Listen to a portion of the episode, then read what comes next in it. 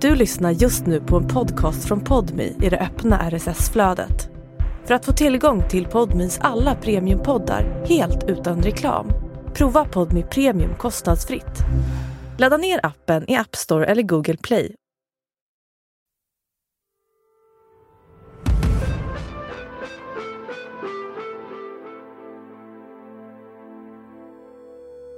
Man kan bli kär på avstånd. För jag blev ju det. Hon jobbade med guld i Malaysia. Det var ju väldigt spännande alltså. Då tände jag på det liksom. Det här är en berättelse om kärlek, guld och romantik. Han skulle överösa mig med kyssar och sånt. Och det hade man ju saknat. Om miljoner, drömmar och krossade hjärtan. Det var miljoner, många miljoner. Och till en syssla med guld så rör det sig om miljoner. Jag hade nog lite dålig magkänsla från början tror jag. Men det handlar också om en polisutredning i Sundsvall. Ja, de blir ju utblottade. Varför är inte detta anmält? Och om att rädda liv. Det, det var ju dödsstraff. Va? Man måste rädda livet. Va? Du lyssnar på Podmi Dokumentär. Lurad på kärlek och miljoner. En serie i två delar av mig, Jonna Burén. Det här är första delen.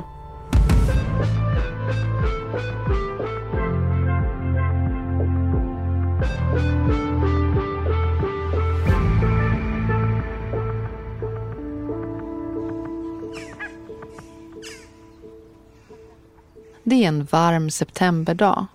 Ännu kan man känna sommaren och Lena har varit ute och promenerat med sina stavar regelbundet.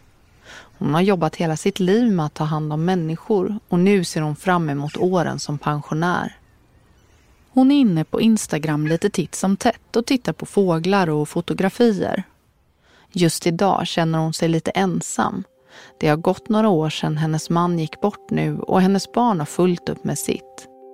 Man tycker synd om sig själv. Och så tittar man på alla andra då, som har det bra och de är ute och reser och de åker på semester. Och, ja, då tycker man, jaha, var det bara det här då? Som ensam blir hon inte bjuden på middag till grannarna. En fika kan gå, men aldrig på middag. Det var skillnad på när hennes man fanns i livet. Under sommaren har hon blivit allt deppigare Dagarna går men det händer inte så mycket. Hon tittar på tv och promenerar med stavarna. Hon tror att hon är deprimerad. Nu när hon sitter där med telefonen och scrollar runt på Instagram lägger hon märke till en liten notis som hon öppnar. Ja, jag fick ju en vänförfrågan då på Instagram. Och sen så svarade jag på den där. Jag har ju fått många vänförfrågningar men den där svarade jag på på något vis. Jag vet inte varför. Och då började vi prata med varandra. Då. Mannen heter Louis Anderson men trots det svenskklingande efternamnet är han amerikan och stilig. Ja, han såg bra ut gjorde han. Mm. Så jag tänkte han var ungefär min typ. så det passar bra. Och just då kände jag mig ensam så jag tänkte att jag kan, jag kan ju prata med honom. Och han frågade vad jag kom ifrån eller var jag bodde och sådär. Jag berättade ju det. Och då, då sa jag att jag var från Småland. Och då berättade den här mannen då att han, hans pappa hade bott nere i Småland. Så då hängde han på där. Mm. Och sen pratade vi med varandra. Det var ju för konstigt att de faktiskt kom från grannorterna där i Småland. De pratar om olika ställen i Småland och lär känna varann. Det känns hemma att få prata Småland med den här mannen. Jag tyckte det var, var roligt att vi kunde prata om vissa platser sådär. Tänkte jag. ja. Och sen, och sen höll vi på att prata. Han berättade ju att han var på den här båten. Och han skickade kort. Han står på ett däck på ett större fartyg. Han har på sig arbetskläder och i bakgrunden på bilden syns en oljerigg. Det är något slags oljeborrningsföretag han jobbar på. När Lena lägger ner telefonen känner hon sig lite upplivad, glad. Det var ju roligt att prata med honom och efter samtalet känner hon sig mindre ensam just den här dagen. Och det dröjer inte länge innan han hör av sig igen. Ja, det gick ju ett tag. Vi pratade med varandra och han berättade. Han skickade kort när han hade fiskat fisk och han hjälpte ner i köket nere på båten och alltihopa sånt där. I köket, eller kabyssen, sitter han och kollegorna uppradade. Louis sitter längst ut på kanten. Han är längre än alla de andra och tittar rakt in i kameran.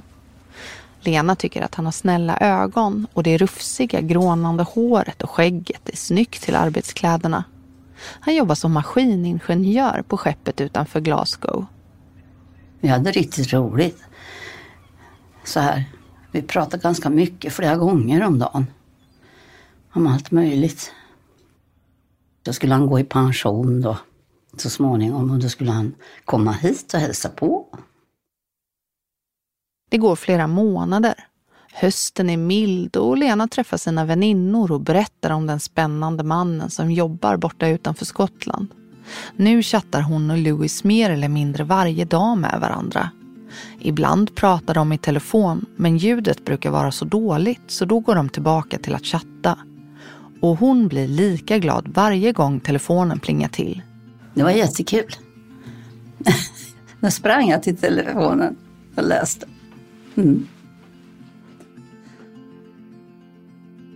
Och på morgonen så skickade han ju ja, god morgon och sådär. Och så på kvällen då innan vi skulle sova så skickade han blommor i, på bilder och en riktig kavaljer.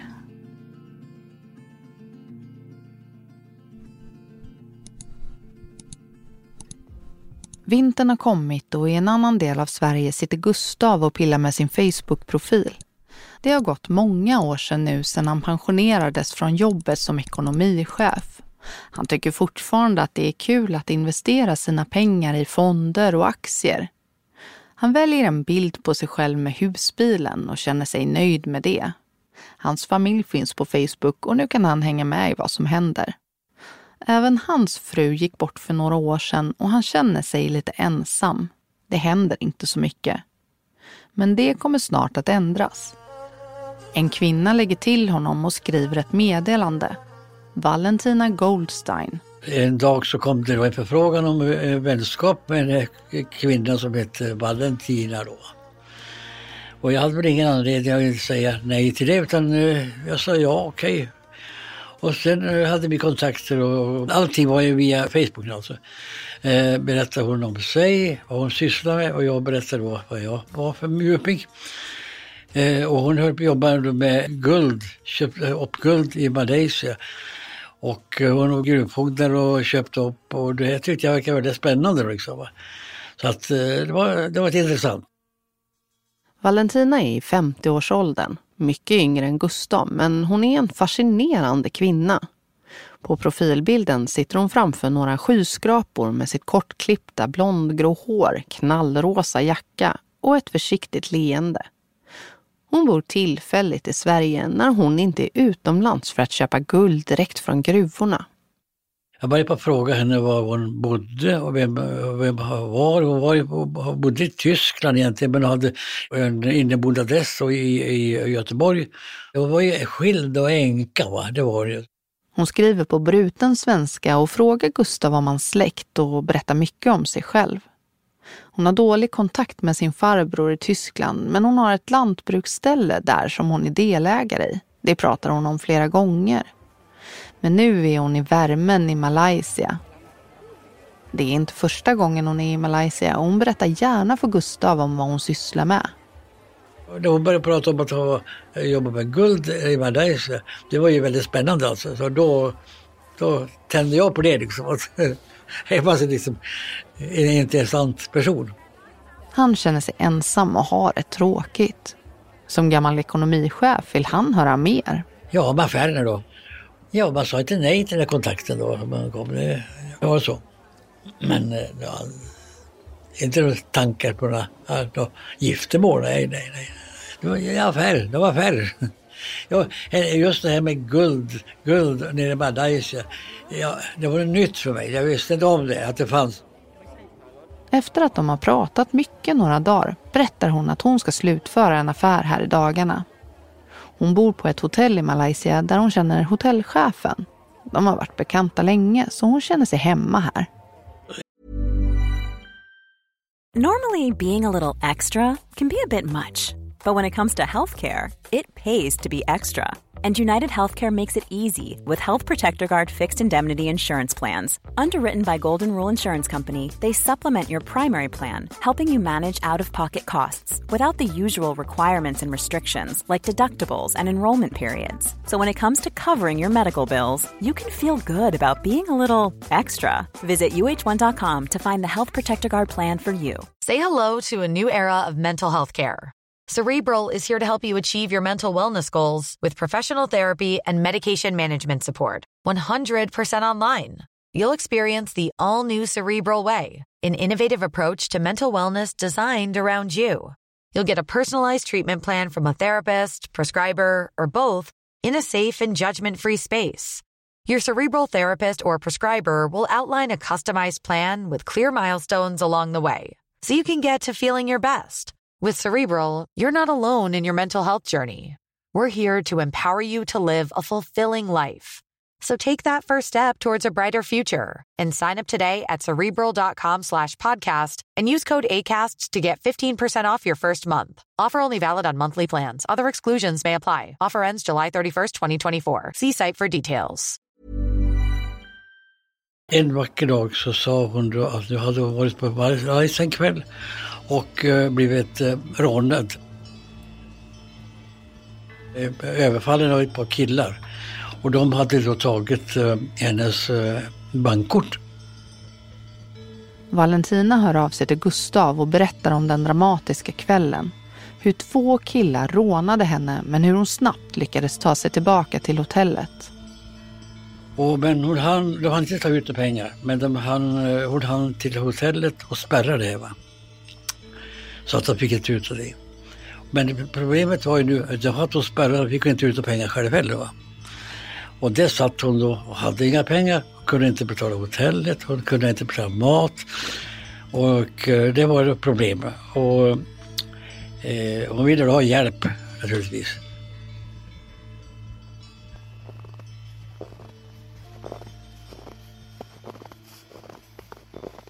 I en annan del av Sverige har snön kommit och den täcker en trädgård som Lena aldrig varit i tidigare.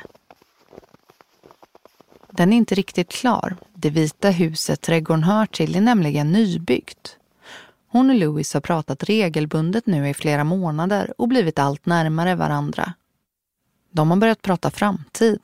När han har pensionerat sig ska de testa relationen på riktigt. Framförallt han har pratat ett tag om var de skulle kunna bo när han kommer till henne när han väl har pensionerat sig. Lena har surfat runt på Hemnet och tittat och skickat länkar till honom. Hon fastnade för det vita huset. Han tyckte att jag skulle åka och titta på det. Jag var ju där på visning.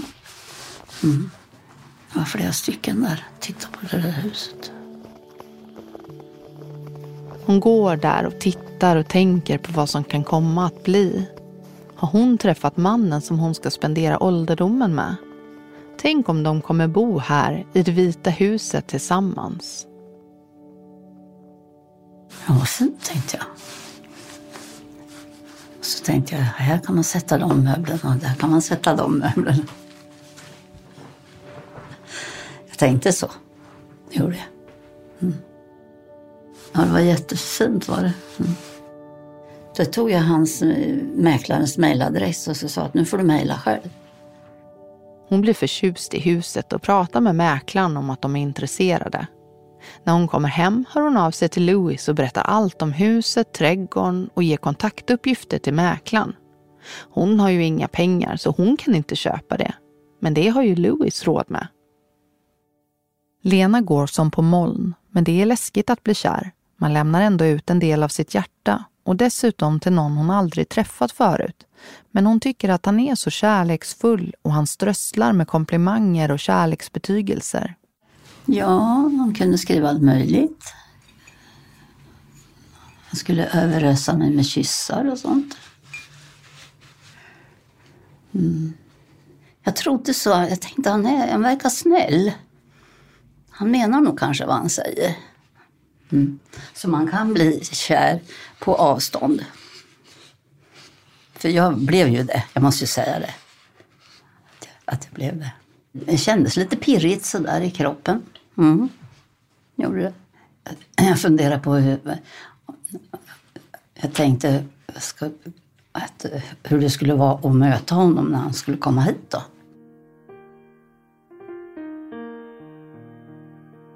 Det blir vinter och känslan av ensamhet är som bortblåst. Nu har hon någon att dela sina tankar med och drömma om framtiden med. Louis, mannen Lena är så förälskad i, ska snart gå i pension. Då vill han komma till henne. Hon sätter upp julstjärnan i fönstret och tar fram sina tomtar.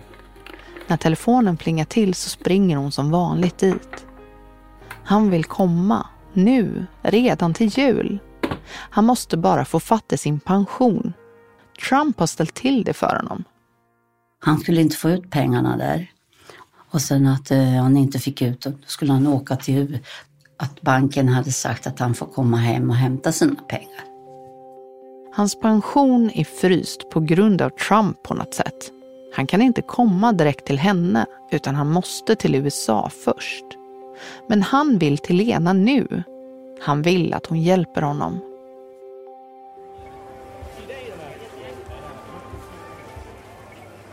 I Malaysia är Valentina chockad men ändå okej. Okay. Men hon behöver ändå hjälp. Hotellräkningen måste betalas. Det handlar om några tusen. Det är ingen jättegrej för Gustav men han känner sig ändå lite tveksam till att sätta över summan. Jag var inte villig att ställa upp med pengar då utan, och då gick jag in på datorn och kollade om det fanns fönster. Hon bodde på en gata som hette Linderosgatan tror jag det var. Va? Han går in på nätet och kollar upp gatan hon sagt att hon bodde på. Lindrotsgatan. Och vilka som bor där. Det är en liten gata i ett villaområde på Hisingen i Göteborg. Men han hittar ingen med hennes namn på gatan. Jag konstaterade att hon fanns inte en adress på henne. Så jag gick tillbaka och sa att det finns ingen adress på dig, det är lite underligt. Ja men jag är inneboende förstår du, så det är inte under på att det, att det inte finns det. Och då nöjde jag mig med det. Det var ingen stor grej tyckte Gustav. Han kan betala hennes hotellräkning. Hon säger ju att hon ska betala tillbaka och om han kan hjälpa henne nu så varför ska han inte göra det? Men Valentina ska komma att stöta på fler problem. Hon hade guld för 6 miljoner i, i, som hon har tagit ut nu. Då. Och eh, nu fick hon inte ut det guldet för det är från eh, Malaysia, men min att hon betalade skatt för det. Det skulle betalas då och det var 12 procents eh, skatt på det. Va? Och de pengarna behövde hon ha för att komma loss. Va? I det läget eh, är 6 miljoner är ungefär 600-700 000 kronor. Valentina vill ha hjälp med pengar för att få ut guldet ur Malaysia. För att få föra ut det måste hon betala en skatt, säger hon. Och efter rånet kommer hon inte åt sina egna pengar och hon vill att Gustav ska låna ut de runt 700 000 kronorna hon behöver. Det låter rimligt, tänker ekonomichefen Gustav. Företagaren Valentina verkar vettig och vet vad hon håller på med. Men han tänker inte ställa upp hur som helst och hjälpa henne utan några garantier.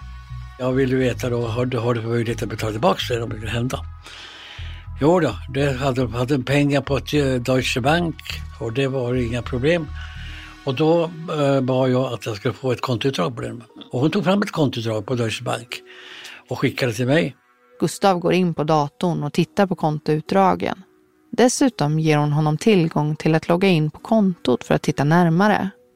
Eh, jag kollade, jag fick en kod. Jag skulle gå in på hennes bankkonto och kolla det. Den koden slog jag och försökte komma in på men jag kom inte in på den. Och jag har gjort det en gång sen var den borta. Så jag kom inte in mer. Men jag har ju kontoutdrag och det såg väldigt bra ut. Det var fråga om miljoner som man hade på det kontot. Alltså det var inga problem på det viset, utan det fanns pengar. Och till jag sysslar med guld så rör det sig om miljoner. Så att jag tyckte det fanns ingenting att misstänka det. Utan, och sen fick jag passet. Ja, jag visade att hon var hon, var hon så att säga. Va? Ja, att, eh, ja, jag, kände, jag kände en viss säkerhet i osäkerheten. Va? Hon gör allt för att han ska känna sig trygg med att låna ut pengarna. Hon kan ju inte betala själv efter rånet. Hon kommer inte åt sina pengar. Hon skickar en bild på sitt pass och där är hon, Valentina Goldstein från Tyskland. 51 år gammal, född 25 mars och med ljust kortklippt hår.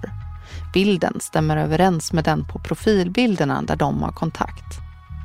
Som jag kollade av att, eh, att det var rätt person så att säga. Och eh, jag nöjde mig med det då och tänkte att jag kan väl sätta lite pengar i då. Men jag sa, jag vill inte sätta alltihop. Nej men det behöver inte, jag har en vän i Amerika också så, som kan kanske halvera med det. Så du betalar hälften och jag betalar hälften. Ja, kolla den då. Ja. Det gjorde, tog en tid och så kom hon tillbaka och så, nej tyvärr så gick inte det med amerikanska. Hon kunde inte få ut pengar från Amerika för det var, var valutarestriktioner och vidare. Och det var, jag kom i en situation då så att jag, jag ja, jag kom till slut att säga ja då, och hjälpa till här. Va? Gustav går in på sina olika konton och sätter över pengar till sig själv för att sedan föra över 120 000 kronor till ett konto i Malaysia. Men även större summor, flera hundratusen, till olika mottagare i Sverige. Allt efter instruktion från Valentina. De pengarna, säger hon, förs sedan över till rätt konton för att det ska lösa sig med skatten. Nej, det verkar så naturligt. De skulle ha det här då, skatten. Här, det var det pengarna var till. Och i och med att de skulle få pengarna, då skulle de kunna åka hem till Sverige sen. Va? Och, det var, och skulle de komma hem till Sverige och komma till Tyskland, då skulle jag ha betalt tillbaka mina pengar på två dagar. Skulle vara tillbaka på kontot. Det var inga problem då. Va? Och det nöjde jag mig med då. För jag visste att det fanns pengar på kontot. Så skulle de bara komma till hem och till Tyskland. Då skulle de kunna föra över pengar till kontot. Det, det nöjde jag mig med då. Själv lovas han Botox Cosmetic, out of botulinum toxin A, FDA approved for over 20 years. So, talk to your specialist to see if Botox Cosmetic is right for you. For full prescribing information, including boxed warning, visit BotoxCosmetic.com or call 877-351-0300. Remember to ask for Botox Cosmetic by name. To see for yourself and learn more, visit BotoxCosmetic.com. That's BotoxCosmetic.com. att få tillbaka pengarna och mer därtill. Hon gör en bra vinst på guldet och såklart ska Gustav, som ju hjälpt henne så mycket, få ta del av det. Han ser ett klipp framför sig, en möjlighet att få en del av kakan i hennes lukrativa affärer. Väldigt god ränta. Ja, mycket god ränta.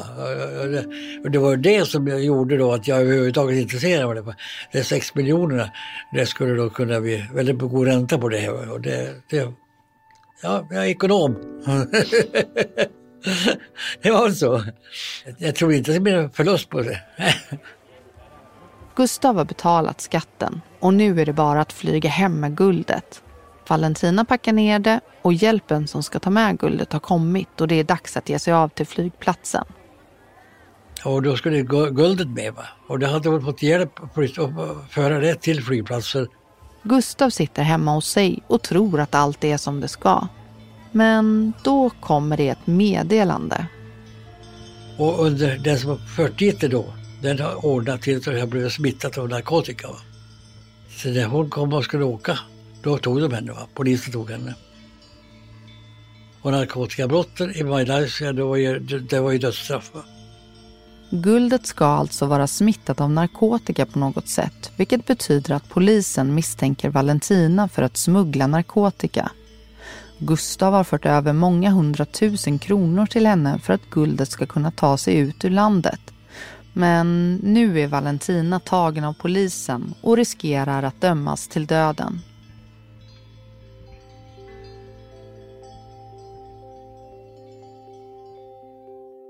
Relationen mellan Lena och Louis blir allt djupare. Hon har fått se bilder på sonen Alex och de är så fina Louis och Alex när de ler in i kameran. Det är så tydligt att de är far och son. Hon saknar mannen hon aldrig träffat. Louis Sanderson, den stilige maskiningenjören. Men snart, snart ska han komma. Det ska bara ordna sig det där med pensionen. Att Donald Trump är president har visst ställt till det för honom. En kväll sitter Lena och Louis och pratar över nätet om hur de ska kunna lösa det. Louis vill inte återvända till USA men eftersom hans konto är fryst måste han betala för att låsa upp kontot. Men eftersom kontot är fryst har han inga pengar att betala för att låsa upp det. Ett riktigt moment 22. Han vill mycket hellre bara komma till Lena direkt istället för att åka till USA och fixa det där med pengar. Och då tyckte jag att han kunde göra det. För han behövde inte komma till mig förrän allting var löst, tänkte jag. Mm. Kom han på, då skulle han fråga han ju om jag kunde låna pengar åt honom. Han vill ha Lenas hjälp. Om hon betalar 3 250 dollar så släpps hans pengar och de kan föras över direkt till hennes konto. Han skickar en bild på sitt bankkonto, ett utdrag med hans namn och hon ser att det finns mycket pengar på kontot. Lena är tveksam men samtidigt längtar hon ju efter honom. Hon får alla hans uppgifter och hur hon ska göra. Hon går in på nätet och kollar upp banken så att allt verkar rimligt och bra. Bank of America finns mycket riktigt. Det är den sista november när hon går in på sin egen bank. Och jag skickade ju iväg de där, jag tror det var runt 30 000. Skickade iväg dem när jag hade. Och så väntade jag på svar från banken och jag fick eh, mejl från banken som berättade att pengarna hade kommit in och det var, allting var okej. Okay. Och så skulle han betala tillbaka det där då. När de hade fixat det. Men eh, det kom aldrig några pengar. Utan han, det kom ju, han ville ju ha mer och mer och mer pengar. Även om banken bekräftade att pengarna kommit in så behöver hon ändå göra en ny inbetalning för att pengarna ska släppas, säger de. Hon och banken mejlar fram och tillbaka om att hon ska få en återbetalning på det hon har satt in. Hon sätter in samma summa igen och får bekräftelsen på mejl. Transaction notification success. Det kommer också en bekräftelse på att 200 000 dollar har släppts från det frysta kontot och förts över till henne. Hon blir lugnad av bekräftelsen, men inga pengar syns på kontot än. Men det kan ju ta några dagar. Och jag inte, jag, jag kände mig ju så, jag kände mig lite konstig. Alltså jag, hade ingen, jag hade nog lite dålig magkänsla från början tror jag. Att jag hade. Men jag tänkte, han verkar ju trevlig, han skickar kort och jag fick brev från hans son som låg i lumpen då i USA. Det är dagen innan Lucia och mitt i stöket på eftermiddagen plingar det till från mejlet. Hej, good morning here in the United States. Det är från en man som heter Alex Anderson.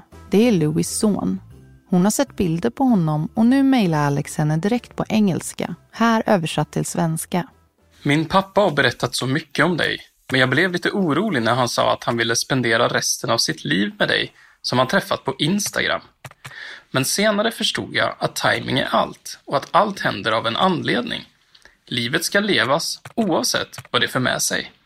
Han beskriver hur även hans pappa var ensam, precis som hon, och att Alex skulle vilja att de firade jul tillsammans allihop.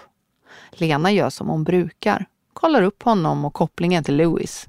Efter hon har läst mejlet stänger hon ner mejlprogrammet. Var jag ute på nätet också. Det finns en person som bor i USA med det här namnet och så har en son som heter likadant som den här sonen. Hon läser mejlet igen. Jag är så glad att jag har en styvmor och vi ses snart under julen i Sverige. Så skulle de komma hit till jul och jag lånade, jag lånade en, en säng av en kompis då så de skulle få sova här då. Ja, det kom ju ingen. Det är pengarna som är problemet. Så här under julen har det strulat trots att hon satt in pengar flera gånger. Hon sätter in samma summa en tredje gång, 3 250 dollar. Men inget händer. Julfirandet blir inställt och mellandagarna går snabbt. Lena och Louis pratar ofta och Lena är så kär, trots att de aldrig har träffats. Tänk när han är här och de kan äta middag tillsammans. På nyårsafton gör Lena i ordning sig inför kvällen. Louis har sagt god morgon som vanligt på morgonen och nu ska snart Lena iväg på fest. Hon tar på sig sin glittriga blus innan hon ger sig iväg. Hon och vännerna äter gott och pratar och skrattar. Men så plingar telefonen till. Lena springer undan med den och med det välbekanta pirret i magen. Det är Louis. Han bodde på ett hotell då. Mm. Ja, det var i Glasgow någonstans. Ja, han skrev väl att han skulle vilja vara hos mig. Han har mönstrat av och alltså gått i pension och bor på hotellet tills han har löst det ekonomiska. När helgerna är över börjar Lena försöka hjälpa honom att få det löst igen. Hon mejlar fram och tillbaka med banken. Nu säger de att de har skickat ut en betalning på 500 000 dollar, men fortfarande har inget kommit. De ursäktar sig och menar på att helgerna har ställt till det. Nu kommer ett nytt krav från banken, men nu är det mycket mer pengar som ska in. Mer än vad Lena har. Louis lugnar henne och säger att det är inga problem. De ska ju flytta ihop, bo i hus tillsammans. Så fort hans pengar släpps kommer han betala tillbaka. Och hon har ju sett på kontot att det handlar om flera hundratusen dollar. Hon tar ett lån. Ja, det var ju 200 000 då som jag skickade över. 180 var det tror jag, i svenska pengar. Och sen eh, fick jag låna jag en omgång till då. Ännu en gång kommer ett krav på samma summa, runt 180 000 kronor. Lena suckar men tänker att snart har det ju löst sig. För då hade de eh, uppehåll i banken och han skulle ju betala tillbaka men det kunde de ju inte göra för då hade de ju ledigt över julen och allt vad det var. Mm. Så jag kan säga 400 000. Plus mina egna pengar då, som jag hade skickat. Hon vill inte gå till banken igen för att sätta över pengarna.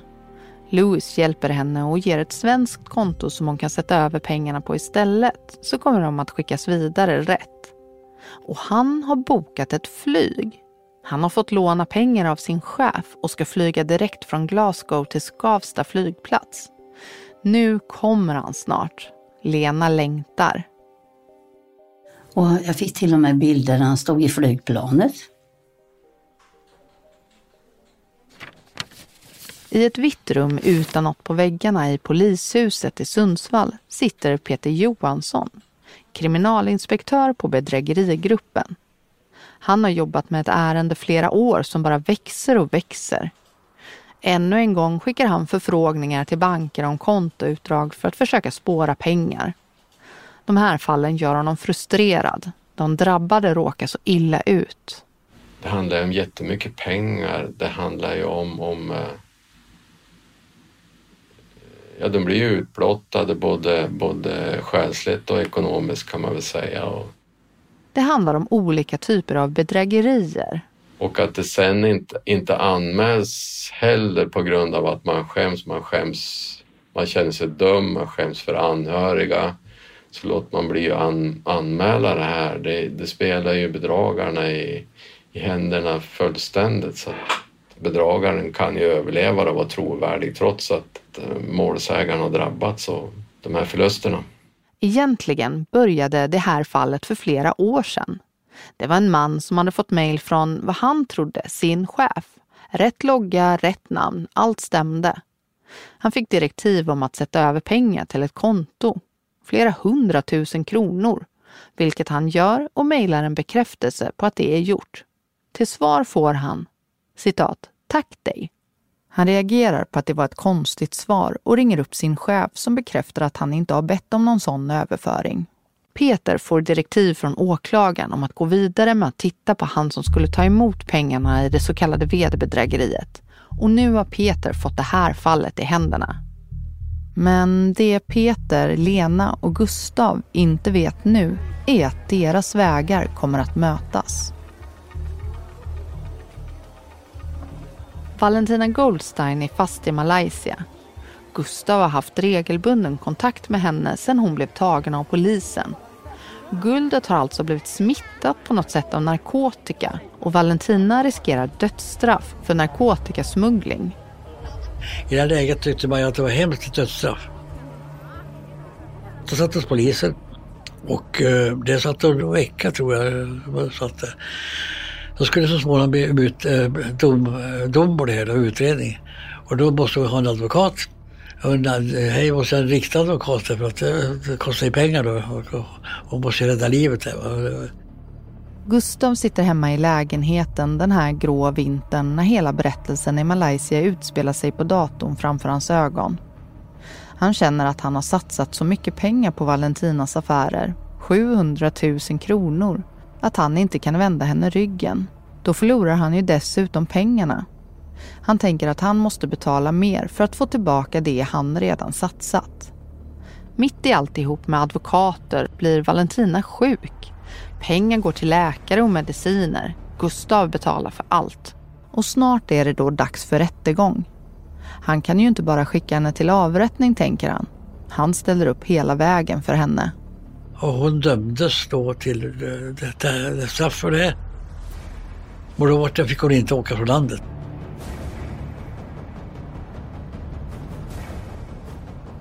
Men hon kunde komma loss om de kunde få fram en person i Malaysia som gick i god för henne och tog på sig ansvaret för den skulden som hon hade, domen som hon hade. Det är hela tiden snabba ryck och Gustav är med på noterna.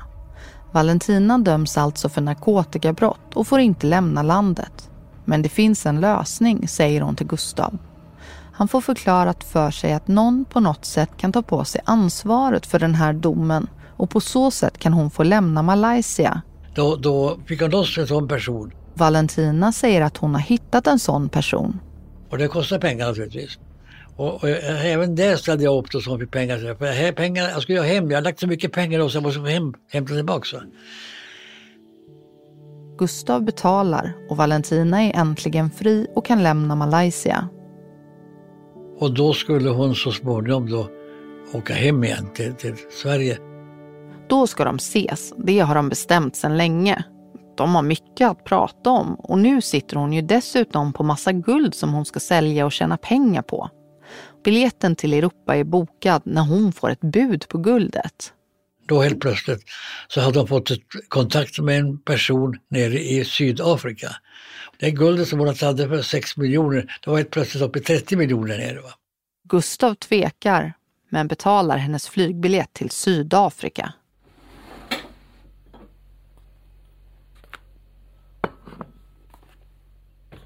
Det har hunnit bli mars och man känner att våren snart är på väg.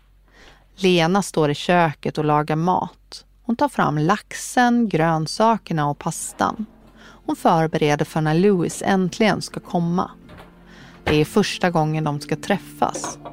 Nu ska de få leva det liv de båda har längtat efter i månader. Hon är så kär. Det här är mannen hon det senaste halvåret har delat med sig av sina drömmar, innersta tankar och löjliga idéer med. De ska testa att bo ihop här i Sverige. Om en liten stund ska hon åka till flygplatsen och hämta honom. Han har redan skickat bilder på sig själv i flyget och hon tänker på hur deras första möte ska bli. Hon gör laxlasagne som de kan äta sen när de har kommit hem. Så jag tog bilen där och han skulle komma med flygplanet. Då kände jag mig väldigt uppåt. Jag hade köpt ett förkläde, hängt in, för han skulle hjälpa mig med maten. Hon sätter sig i bilen och kör mot Skavsta. Det är fortfarande vinterväglag så hon kör försiktigt. På radion spelas P4 så hon kan höra om det är några problem på vägen men resan går bra. Hon sjunger med i musiken.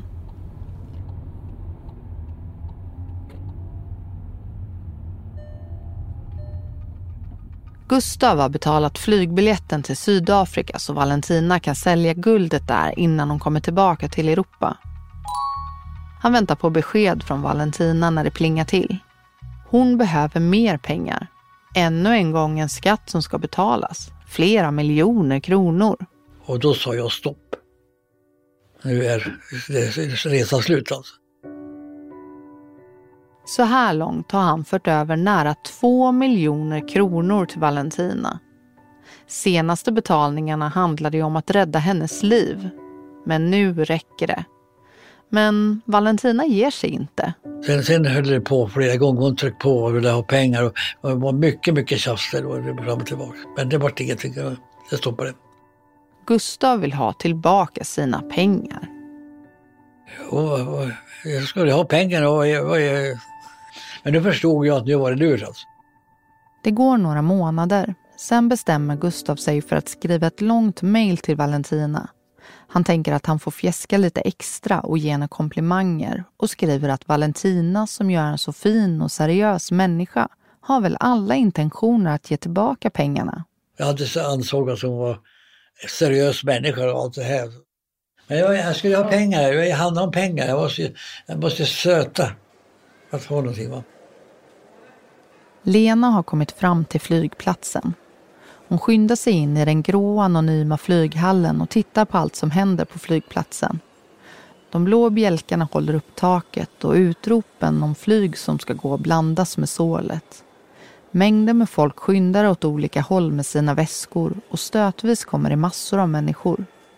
Lena går till terminalen för ankommande och skannar av ansiktena på de som går förbi.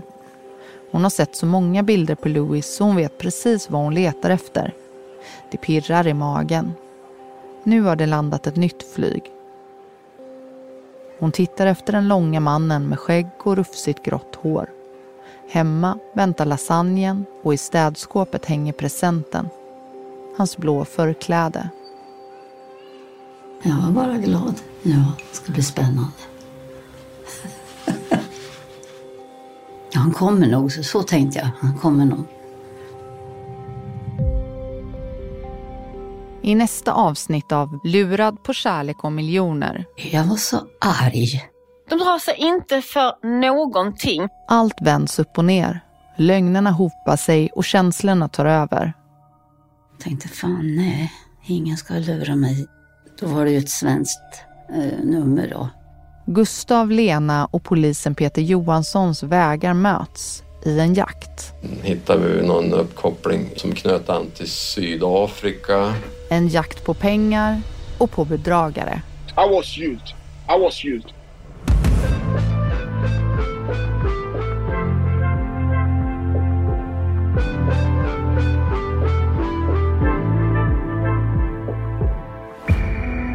Du har lyssnat på första delen av Lurad på kärlek och miljoner. En podmi-dokumentär i två delar av Jonna Borén från produktionsbolaget Filt. Lena och Gustav heter egentligen något annat. Producent Olivia Sandell. Exekutiv producent hos Podmi Emilia Melgar Arnheim. Tekniker Astrid Anka Krona.